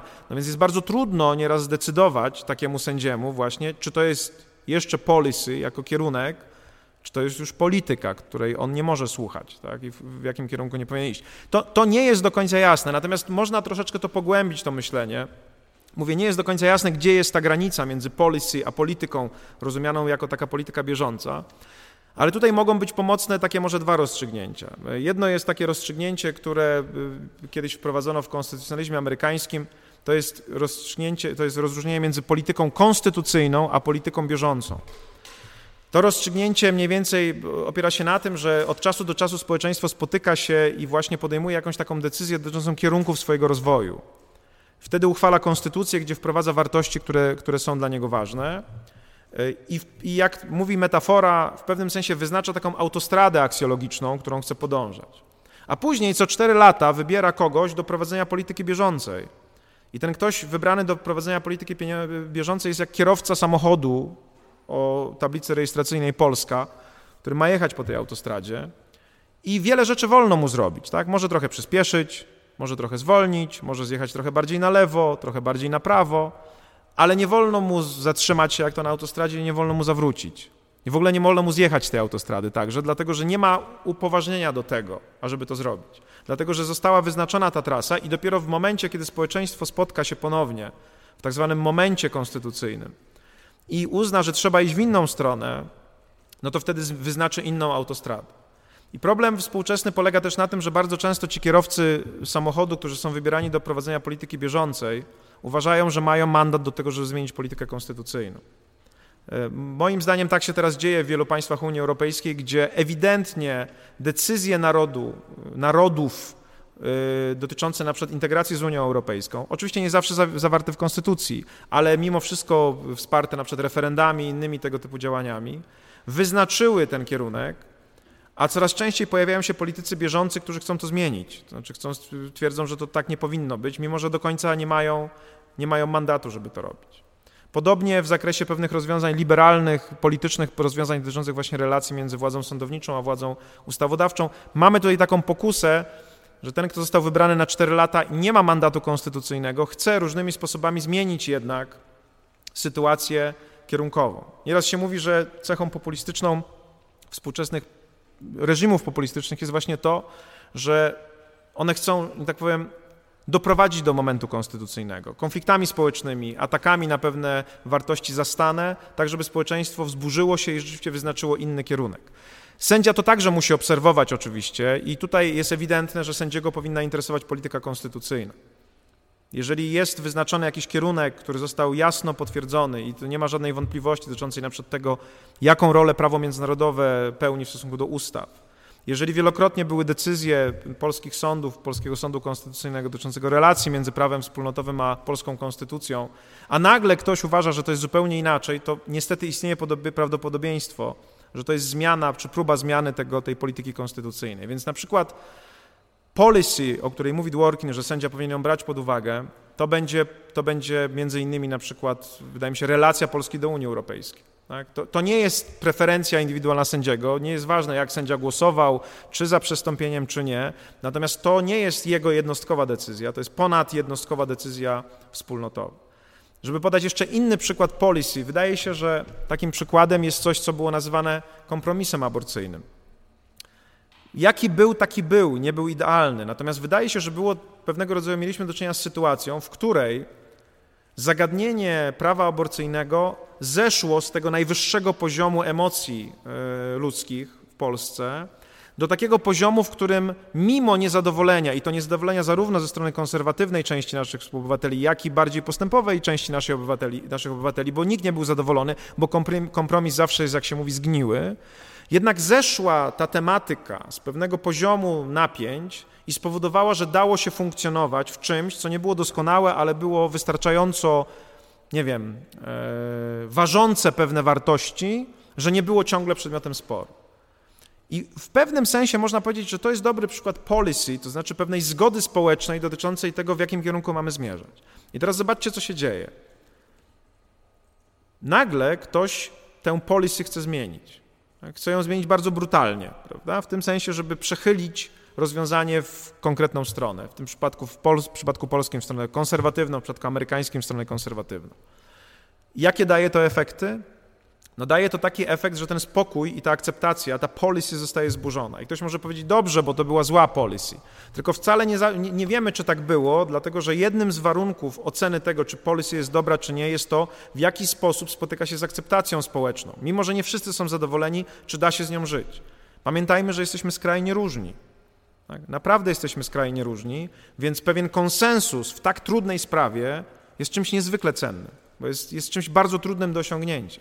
Jeżeli teraz ktoś przychodzi i wywraca to do góry nogami, no to znowu stawia przed między innymi sędziami pytanie, czy to jest rzeczywista zmiana policy, w której cały naród chce, żeby było inaczej i w związku z tym sędzia powinien nadstawić ucha i brać to pod uwagę, czy to jest uzurpacja. Korzystając z tego przykładu tej polityki konstytucyjnej, autostrady wartości, którą się ustawia raz na jakiś czas i powierzenia prowadzenia konkretnemu rządowi, konkretnej większości polityki bieżącej, nic nie wskazuje na to, żeby ta większość, która obecnie w Polsce funkcjonuje, była większością konstytucyjną. Nic na to nie wskazuje. Gdyby była, to by z taką większością wygrała wybory. Na Węgrzech z taką większością Viktor Orban wygrał wybory. Można mieć wątpliwości co do tego, ale to jest sytuacja kompletnie różna. Tak? Ludzie się wypowiedzieli, dali mu legitymację do zmiany konstytucji. Możemy dyskutować, czy to jest dobre, czy złe, ale przynajmniej w sensie legitymacji Viktor Orban dostał prawo zmiany autostrady aksjologicznej tak? i zdecydował, że pojedzie w inną stronę, na przykład w stronę Rosji. U nas tak nie było. Tak? U nas nikt nie dał legitymacji obecnej większości, żeby zmieniać autostradę konstytucyjną. W związku z tym sędziowie, którzy na przykład teraz są ścigani za to, że jakoby uzurpują sobie prawo do tego, żeby stosować prawo unijne czy wyroki sądowe, moim zdaniem są sędziami, których w kategoriach dworkinowskich można by było opisać, którzy słuchają policy, ale policy, która została ustalo, ustalona w roku 2004, kiedy Polska przystępowała do Unii Europejskiej, przez referendum europejskie, przez podpisane traktaty, które były przez Polskę ratyfikowane, a nie przez nagłą zmianę dotyczącą ich interpretacji. Z tych dwóch rzeczy, to znaczy co stanowi policy, a co stanowi politykę bieżącą, wydaje się, że jasne jest, że policy w rozumieniu dworkinowskim stanowi integrację z Unią Europejską i szanowanie prawa europejskiego, bo ona jest mniej indywidualna, mniej stronnicza, wynika z, z ruchów, które wykonało polskie społeczeństwo poprzez swoich przedstawicieli w długim okresie, w sposób jasno określony i trudno byłoby powiedzieć, nawet patrząc także na opinię publiczną, że na przykład Polska jest antyeuropejska. To jest zresztą bardzo ciekawe, są takie badania w Stanach Zjednoczonych, które pokazują, że mimo tego, że sędziowie w niektórych momentach jako grupa, jako grupa społeczna, grupa decydentów, że w niektórych momentach mogą wchodzić w spór y, taki światopoglądowy z większością społeczeństwa. To znaczy są takie sytuacje, że y, sędziowie już myślą jedno albo jeszcze myślą jedno, a ludzie już myślą drugie. Y, żeby nie mówić tylko o negatywnych sytuacjach, wydaje się, że trochę tak było w przypadku zniesienia segregacji rasowej w Stanach Zjednoczonych. To znaczy, generalnie był wielki rozdźwięk w społeczeństwie, oczywiście głównie na, pół, na południu, był sprzeciw. Jak pamiętacie, po, znaczy nie pamiętacie z doświadczenia swojego, ale wiecie z, z nauki, e, sytuacja, w której zniesiono segregację rasową i sytuacja, w której e, pierwsi uczniowie czarni szli do białych szkół, to były sytuacje sporów i wręcz rozruchów, prawda? Tam potrzebna była ochrona po to, żeby wdrożyć te, te rozstrzygnięcia. Więc to była sytuacja, która no była bardzo ciekawa, tu w tym sensie sędziowie prawdopodobnie stali się awangardą tego myślenia i poprzez rozstrzygnięcie w sprawie Brown vs. Board of Education, które było kluczowym rozstrzygnięciem dla tej całej historii, pokazali kierunek policy, która gdzieś tam się budowała, ale jeszcze całkowicie nie, nie, nie emanowała, prawda? Ale okazało się, że mieli rację, dlatego że ostatecznie społeczeństwo amerykańskie, przynajmniej na poziomie instytucjonalnym, przyjęło to rozwiązanie i ono jest teraz niekwestionowanym elementem policy całego społeczeństwa. Tak? Nikt nie wraca, tak jak nawet do kwestii aborcyjnych. Można sobie wyobrazić, że e, ludzie wracają i rzeczywiście wracają, E, jak widzimy po ostatnich orzeczeniach amerykańskich, no to raczej nie wydaje się, żeby ktokolwiek był w stanie wrócić w tym momencie i podważyć precedens e, dotyczący zniesienia segregacji rasowej. To pokazuje, że sędziowie mają nieraz dobre wyczucie dotyczące tego, czego potrzebuje społeczeństwo. I to jest bardzo ciekawy element Dworkina, że Dworkin chce trochę w pewnym sensie zachęcić sędziów, żeby tego typu rozważania prowadzili, żeby, żeby byli częścią swojego społeczeństwa, żeby nie mieszkali w wieży z kości słoniowej, i żeby starali się w pewnym sensie brać pod uwagę to, co mówi prawo, ale nie tylko na tym literalnym, formalnym poziomie, także między wierszami, czyli czym jest ten duch prawa, żeby brali pod uwagę kwestie związane właśnie z tymi kierunkami, w których rozwija się społeczeństwo.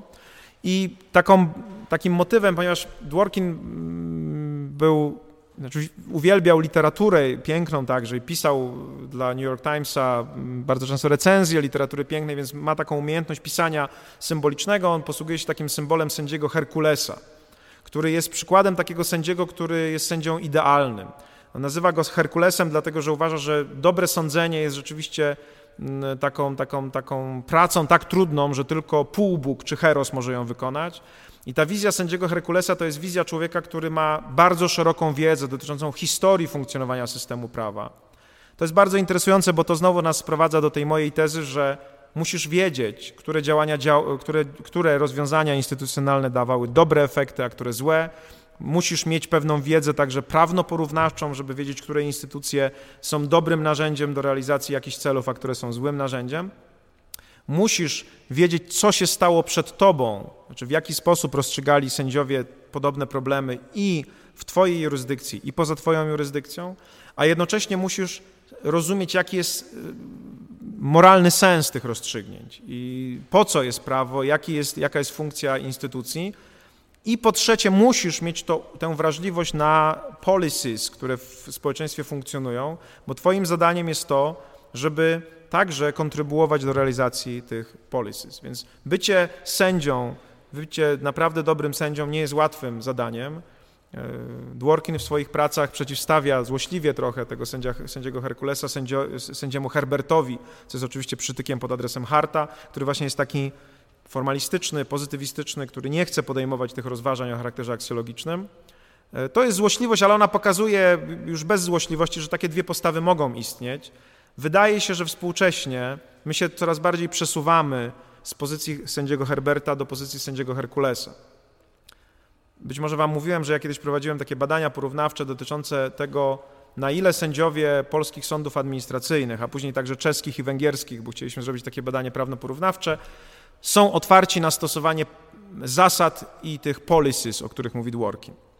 I to badanie myśmy zrobili w taki sposób, że przeanalizowaliśmy bardzo dużą liczbę orzeczeń, tak jak mówiłem, najpierw polskich sądów administracyjnych, później czeskich i węgierskich, przy pomocy oczywiście kolegów z tych krajów, pod kątem gotowości sędziów do stosowania standardów formalnych, czyli na przykład wykładni językowej, pewnych takich naturalnych, bardzo formalnych y, sposobów rozumowania, które stosują prawnicy, jak na przykład nie, lex specialis drogat legi generali, takich oczywistych, można powiedzieć, bardziej dostępnych sędziom i gotowości do stosowania takich standardów bardziej substancjalnych, czyli właśnie zasad konstytucyjnych, zasad prawa unijnego, y, powoływania się na cel prawa, na funkcję prawa. Zakładaliśmy wtedy, że y, skłonność sędziów do stosowania tych takich formalistycznych rozumowań bardziej ich właśnie przybliży, przybliży do tej wizji sędziego Herberta. Ich skłonność do stosowania zasad, czy to prawa unijnego, czy to prawa konstytucyjnego, bardziej ich przybliży do tej myślenia zasadami w rozumieniu dworkinowskim, a myśleniu o, myślenie o celu prawa, o funkcji prawa będzie sygnałem, że oni zastanawiają się nad policies, znaczy po co to wszystko jest, do czego ma to doprowadzić. I zrobiliśmy takie badanie, które było badaniem ilościowym, po prostu licząc dosłownie, licząc argumenty, który, którymi sędziowie się posługują i potem pokazując pewne zmiany w czasie. I wyszło nam z tego badania, że po pierwsze badaliśmy to w dwóch okresach. W okresie pomiędzy rokiem 99 a 2004, czyli takim rokiem, czyli czasem po już wejściu nowej konstytucji polskiej, a także po zmianach konstytucyjnych na Węgrzech i, i, i, i w Czechach, tych pierwszych, zakładając, że przed okresem akcesyjnym, już po podpisaniu traktatów akcesyjnych, a także z nowymi konstytucjami, które już wprost stwierdzają, że jakieś zasady trzeba stosować, właśnie zasady demokratycznego państwa prawnego, proporcjonalności, sędziowie mogą mieć tendencję do tego, żeby z tych zasad korzystać w swoim orzecznictwie. I później powtórzyliśmy to badanie w następnych latach aż do, do roku 2013, i co ciekawe, zauważyliśmy istotną różnicę pomiędzy pierwszym okresem a tym drugim okresem. Otóż okazało się, że we w ogóle we wszystkich tych trzech e, państwach, czyli Polska, Czechy, Węgry, to orzecznictwo z pierwszego okresu było orzecznictwem sędziów Herbertów. To znaczy oni, tam ogromna większość argumentów, w przypadku Polski powyżej 80%, to były argumenty formalne, formalistyczne, te właśnie mm, argumenty czysto zaczerpnięte z takiej pozytywistycznej wizji prawa. Liczba odniesień do zasad konstytucyjnych, zasad y, unijnych, prawa unijnego, czy celu i funkcji prawa była mierzona w promilach dosłownie. To były bardzo, bardzo niewielkie, niewielkie liczby. Wszystko to wskazywało na to, że polscy sędziowie, czy w ogóle sędziowie w, w obszarze, w krajach postkomunistycznych weszli w ten nowy świat prawny, w którym zmieniło się otoczenie, właśnie pojawiło się prawo europejskie, pojawiły się nowe konstytucje, z nawykami, które mieli z, poprzednich, z poprzedniego systemu, wydaje się, gdzie formalizm prawniczy miał bardzo duże znaczenie i nie, nie zawsze był negatywny, żeby była jasność, ale to ewidentnie był pewien, pewien nawyk, pewnego rodzaju pozostałość edukacyjna. Ale co ciekawe, od roku 2007 ta tendencja się zmienia. Zmniejsza się liczba odniesień proporcjonalnie do tych argumentów formalnych, do wykładni językowej, do, do, do właśnie takich naturalnych, formalistycznych metod e, prowadzenia rozumowań prawniczych i zwiększa się liczba, i to ciekawe, odniesień do prawa unijnego, do zasad unijnych i to jest trochę zrozumiałe, prawda? No bo można powiedzieć, sędziowie się uczą tego prawa, yy, chodzą na kursy, rozumieją, jest go coraz więcej, sprawy, pamiętajcie, że to są sądy administracyjne, więc sprawy, które pewnie, nie wiem, administracja rozstrzyga w roku 2.4, 2.5, trafiają dopiero właśnie w roku 2.7 do, do sądu administracyjnego, yy, więc jest więcej odniesień do prawa europejskiego i to się wydaje naturalne, ale co jest ciekawe, jest więcej odniesień do, do, do zasad konstytucyjnych i więcej odniesień do celu i funkcji prawa. I to jest ciekawe, bo to oznacza, że to przejście od sędziego Herberta, od sędziego formalisty, do sędziego Herkulesa, który wie, bierze pod uwagę większą grupę standardów, następuje całościowo, a nie tylko w jednym wymiarze. No bo ja nie, nie byłbym zdziwiony, gdyby się okazało, że sędziowie po prostu częściej stosują prawo europejskie, no bo to jakby jest zrozumiałe. Ale to, że to zmienia ich sposób patrzenia na prawo i nagle dostrzegają jakieś wartości w Konstytucji, które warto bezpośrednio powołać w orzeczeniu, że myślą kategoriami celu i funkcji, to coś można traktować jako trochę szerzej rozumiany proces odformalizowania prawa.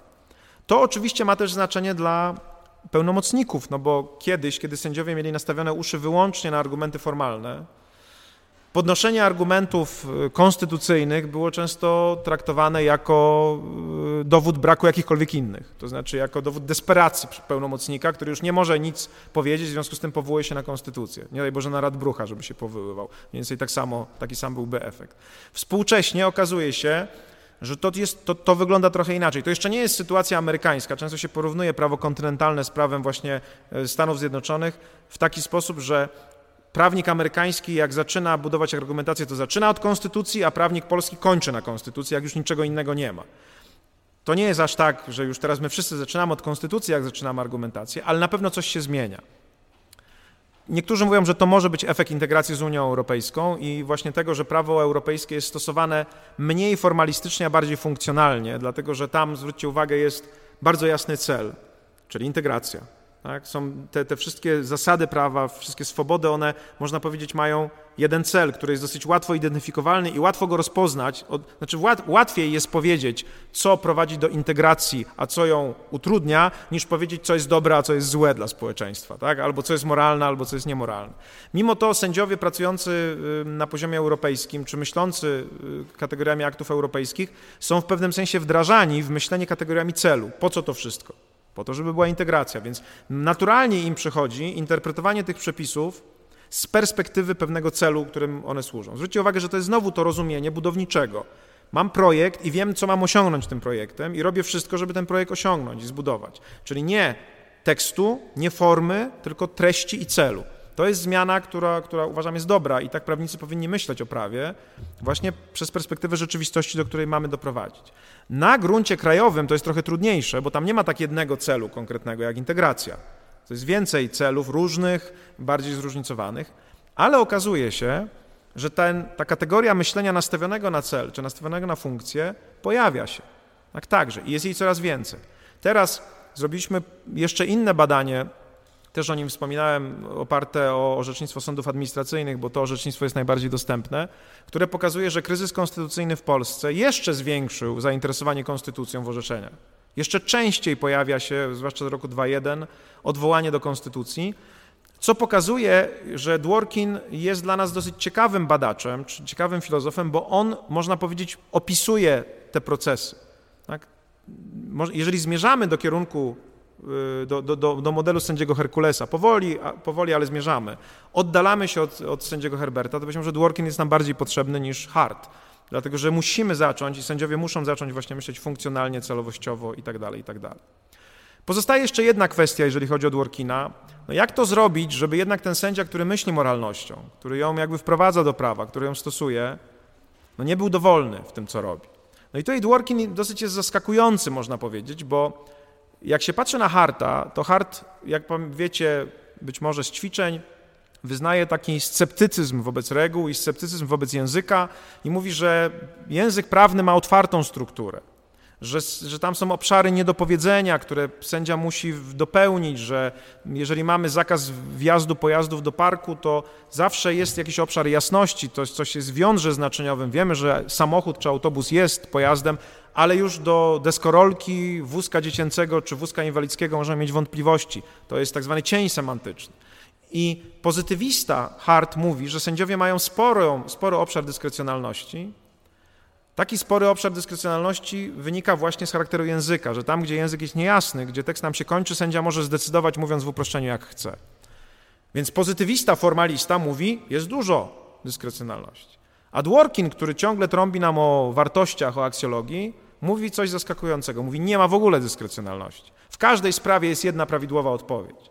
I to jest zaskakujące, bo oczywiście to tak jakby powiedzieć, że w sprawie aborcji jest jedna prawidłowa odpowiedź, albo w sprawie eutanazji jest jedna prawidłowa odpowiedź. Za tę tezę e, Dworkin był bardzo krytykowany, natomiast coś w niej jest. Po pierwsze, to nie chodzi o to, że jest jedna absolutna odpowiedź raz na zawsze dana, ale można by było powiedzieć, że w danym momencie, biorąc pod uwagę naszą wiedzę, nasze doświadczenie aksjologiczne dotyczące tego, co wcześniej działało, nie działało, sędzia Herkules, który zna te wszystkie sytuacje, może dojść do rozwiązania, które jest absolutnie najlepsze w tym konkretnym momencie.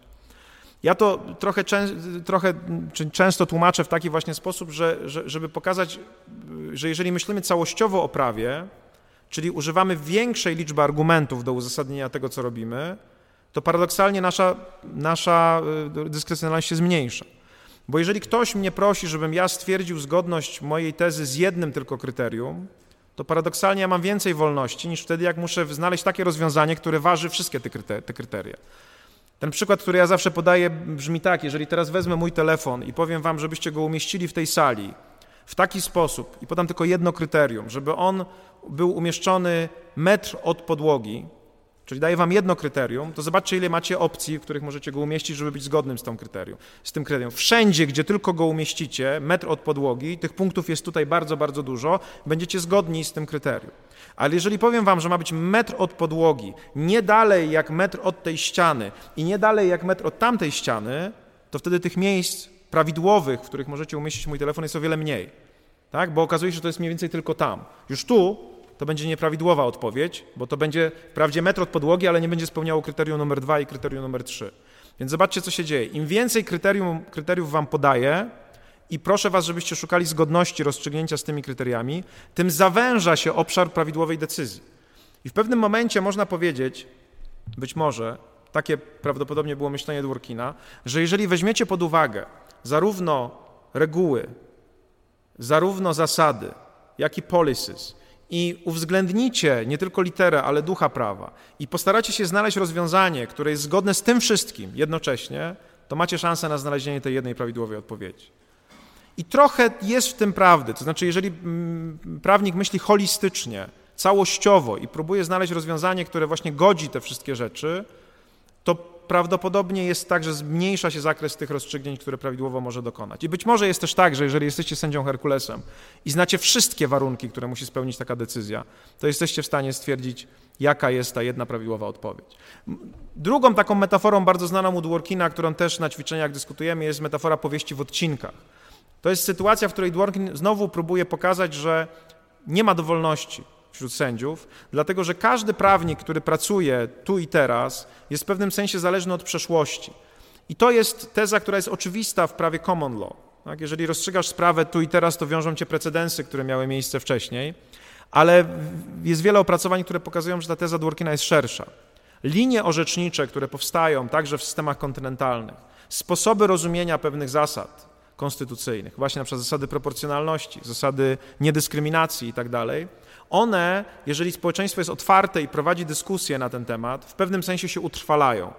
Tak jak społeczeństwo amerykańskie w pewnym momencie mogło mieć wątpliwość, czy segregacja rasowa jest zgodna z zasadą równości, czy też nie, i doszło do wniosku, że nie jest, i wprowadziło równość, i teraz widzi benefity tej równości, tak samo my mamy szansę na to, że coś co przez jakiś dłuższy czas rozważamy i podejmujemy pewne decyzje i widzimy, że te decyzje nie mają negatywnych konsekwencji, że to są właściwe rozstrzygnięcia. Więc metafora powieści w odcinkach mówi, że każdy prawnik rozstrzygający tu i teraz sprawę powinien wczytać się w to, co zrobili jego poprzednicy. Tak jak, yy, tak jak autor powieści w odcinkach którą, który pisze 24 odcinek, nie może dowolnie sobie poprowadzić akcji, bo jest związany pewnymi rozstrzygnięciami, które, których, które, mm, których dokonano w poprzednich odcinkach, tak samo prawnik, który tu i teraz rozstrzyga sprawę, jest związany tą przeszłością. Teza, że tradycja, że wcześniejsze rozstrzygnięcia wiążą nas na przyszłość, jak mówię, nie jest tylko charakterystyczna dla systemu common law. Znamy, są bardzo poważne analizy, które pokazują, że tak funkcjonuje nasz język. Prawidłowe posługiwanie się pojęciami tu i teraz jest w dużej mierze zależne od kontynuacji tego, jak było wcześniej. Nagła zmiana pojęciowa, nagłe stosowanie zupełnie odmienne pojęcia najczęściej sygnalizuje chęć przemocowej zmiany, a nie jakąś właściwą czy prawidłową ewolucję. Więc wszystko wskazuje na to, że takie myślenie y, Dworkina, który mówi, tradycja jest ważna dla prawników. Rozpoczynanie czegoś na nowo, zupełnie rewolucyjnie, jest prawdopodobnie sygnałem, najczęściej jest sygnałem tego, że y, dzieje się coś złego, jest bardzo ciekawa. Pamiętajcie, że nawet argumentacja w sprawach rewolucyjnych, jak na przykład desegregacji rasowej, ona pokazywała pewną spójność z tym, co było wcześniej, po prostu pokazywała, że właściwe rozumienie równości daje y, właściwe efekty, a przecież o to w równości chodzi, żeby y, dawała właściwe efekty. Dla mnie w pewnym sensie przeciwieństwem tego rozumienia jest to, co się dzieje, znowu wrócę do tego obecnie w Polsce, jeżeli chodzi o rozumienie naszej relacji do Unii Europejskiej. Nie sądzę, żeby tak dużo się zmieniło w rzeczywistości, żebyśmy musieli odwrócić zupełnie trend i powiedzieć, kiedyś może było zgodne to prawo z naszą konstytucją, a teraz jest już zupełnie niezgodne w tak wielu wymiarach. Wydaje się, że to raczej sygnalizuje pewnego rodzaju próbę przemocową, taką właśnie przeciągania liny yy, aksjologicznej, niż próbę wczytania się w to, jak rozwija się społeczeństwo, jakie zasady nim rządzą, jakie policies nim rządzą i nie jest na pewno oparte na yy, pełnym szacunku w czytaniu się w tradycję, a to jest też coś, co ze strony Dworkina płynie. To, co robili wcześniej sędziowie, jeżeli nie doprowadziło do katastrofy, a najczęściej nie doprowadza to do katastrofy, wprost przeciwnie, ma swoją wartość, w związku z tym tradycja ma dla prawnika wartość. Podsumowując, dzisiaj rozmawialiśmy o kolejnym wielkim filozofie prawa, czyli o Ronaldzie Dworkinie, który w wielu przestrzeniach był następcą Herberta Harta, zarówno jako profesor jurysprudencji w Oksfordzie, jak i osoba bardzo krytyczna wobec jego koncepcji. I główną wartością, jak się zdaje, tego, co powiedział Dworkin, jest przedstawienie pewnej trzeciej drogi pomiędzy pozytywizmem a prawnonaturalizmem, na pewno Dworkin nie jest pozytywistą, jednocześnie nie jest e, kimś, kto jest zapatrzony w Boga czy w absolut, jeżeli chodzi o wartości moralne. Po prostu pokazuje, że społeczeństwo opiera się na jakiejś moralności. W każdym społeczeństwie jakaś moralność funkcjonuje. Społeczeństwo wyznacza sobie cele, które chce realizować, które także mają doniosłość moralną, na przykład walka, zwalczanie e, kryzysu klimatycznego. I w związku z tym nie możemy zamykać na to oczy i udawać hipokrytycznie, że tej moralności nie ma i że prawo jest od niej oddzielone całkowicie. Pokazuje na przykładach takich jak Riggs versus Palmer, że moralność wchodzi do prawa, że zaczyna odgrywać rolę kryterium, które decyduje o tym, czy coś jest prawem, czy nie jest, czy coś jest ważnym testamentem, czy nie, czy coś jest ważną ustawą, czy nie, co jest absolutnie sprzeczne z tezą o rozdziale prawa i moralności. To jest oczywiste. Więc na pewno nie jest pozytywistą Dworkin, ale pokazuje pewne wartości, które jak się popatrzy na rozwój współczesnych systemów prawnych, są bardzo ciekawe. Pokazuje, że sędziowie muszą patrzeć nie tylko na reguły, ale także na zasady i na te policies, wczytywać się w nie, rozumieć aksjologię społeczeństwa i starać się rozstrzygać w zgodzie z tą aksjologią. W ten sposób wzbogaca ten system prawa, przechodzi, dodaje dodatkowe elementy oprócz reguł. Jednocześnie y, pokazuje, że sędziowie przesuwają się od modelu formalistycznego sędziego Herberta do bardziej holistycznego modelu sędziego Herkulesa. Jak pokazałem, pewne dane empiryczne to potwierdzają, że sędziowie coraz częściej myślą aksjologią i zasadami ale jednocześnie mówi, że przy tym całym rozbuchaniu tych wartości i tych standardów, na podstawie których sędzia ma rozstrzygać, nie ma on pełnej wolności, a nawet w ogóle nie ma wolności, bo jeżeli chce dobrze rozstrzygnąć, jeżeli weźmie pod uwagę wszystkie te kryteria i jeżeli dodatkowo wpisze swoje rozstrzygnięcie w tradycję rozstrzygnięć, to wtedy właściwie istnieje tylko jedna prawidłowa odpowiedź na te poważne pytania. I mimo, że ta teza jest bardzo krytyczna, czy, czy, czy poddana była krytyce, to zachęcam Was do tego, żeby o niej pomyśleć i pokazać, że być może rzeczywiście jest tak, że w danym momencie czasowym, przy konkretnej wiedzy, którą mamy, rozwoju społecznym, istnieje jedna odpowiedź, może nieprawidłowa, nie jedna prawidłowa, ale jedna, która jest najlepsza w sensie tym adaptacyjnym, o którym mówiłem i mówię od początku. Czyli taka, która daje nam szansę na jak najlepszy rozwój jako społecz społeczeństwu, bo jest efektem jakiejś naszej historycznej mądrości, naszej aksjologicznej mądrości. Być może tak jest, nie wiemy tego, natomiast wszystko wskazuje na to, że, że to, co mówił Dworkin, ma znaczenie I jeżeli chcecie znać moje indywidualne zdanie, czy sędzia powinien być bardziej sędzią Herbertem, czy sędzią Herkulesem, to uważam, że powinien starać się być sędzią Herkulesem. I, I, to, co powiedział Hart, jest dla naszego rozumienia prawa bardzo ważne, ale myślę, że to, co powiedział Dworkin, jest jeszcze ważniejsze. Czy są jakieś pytania?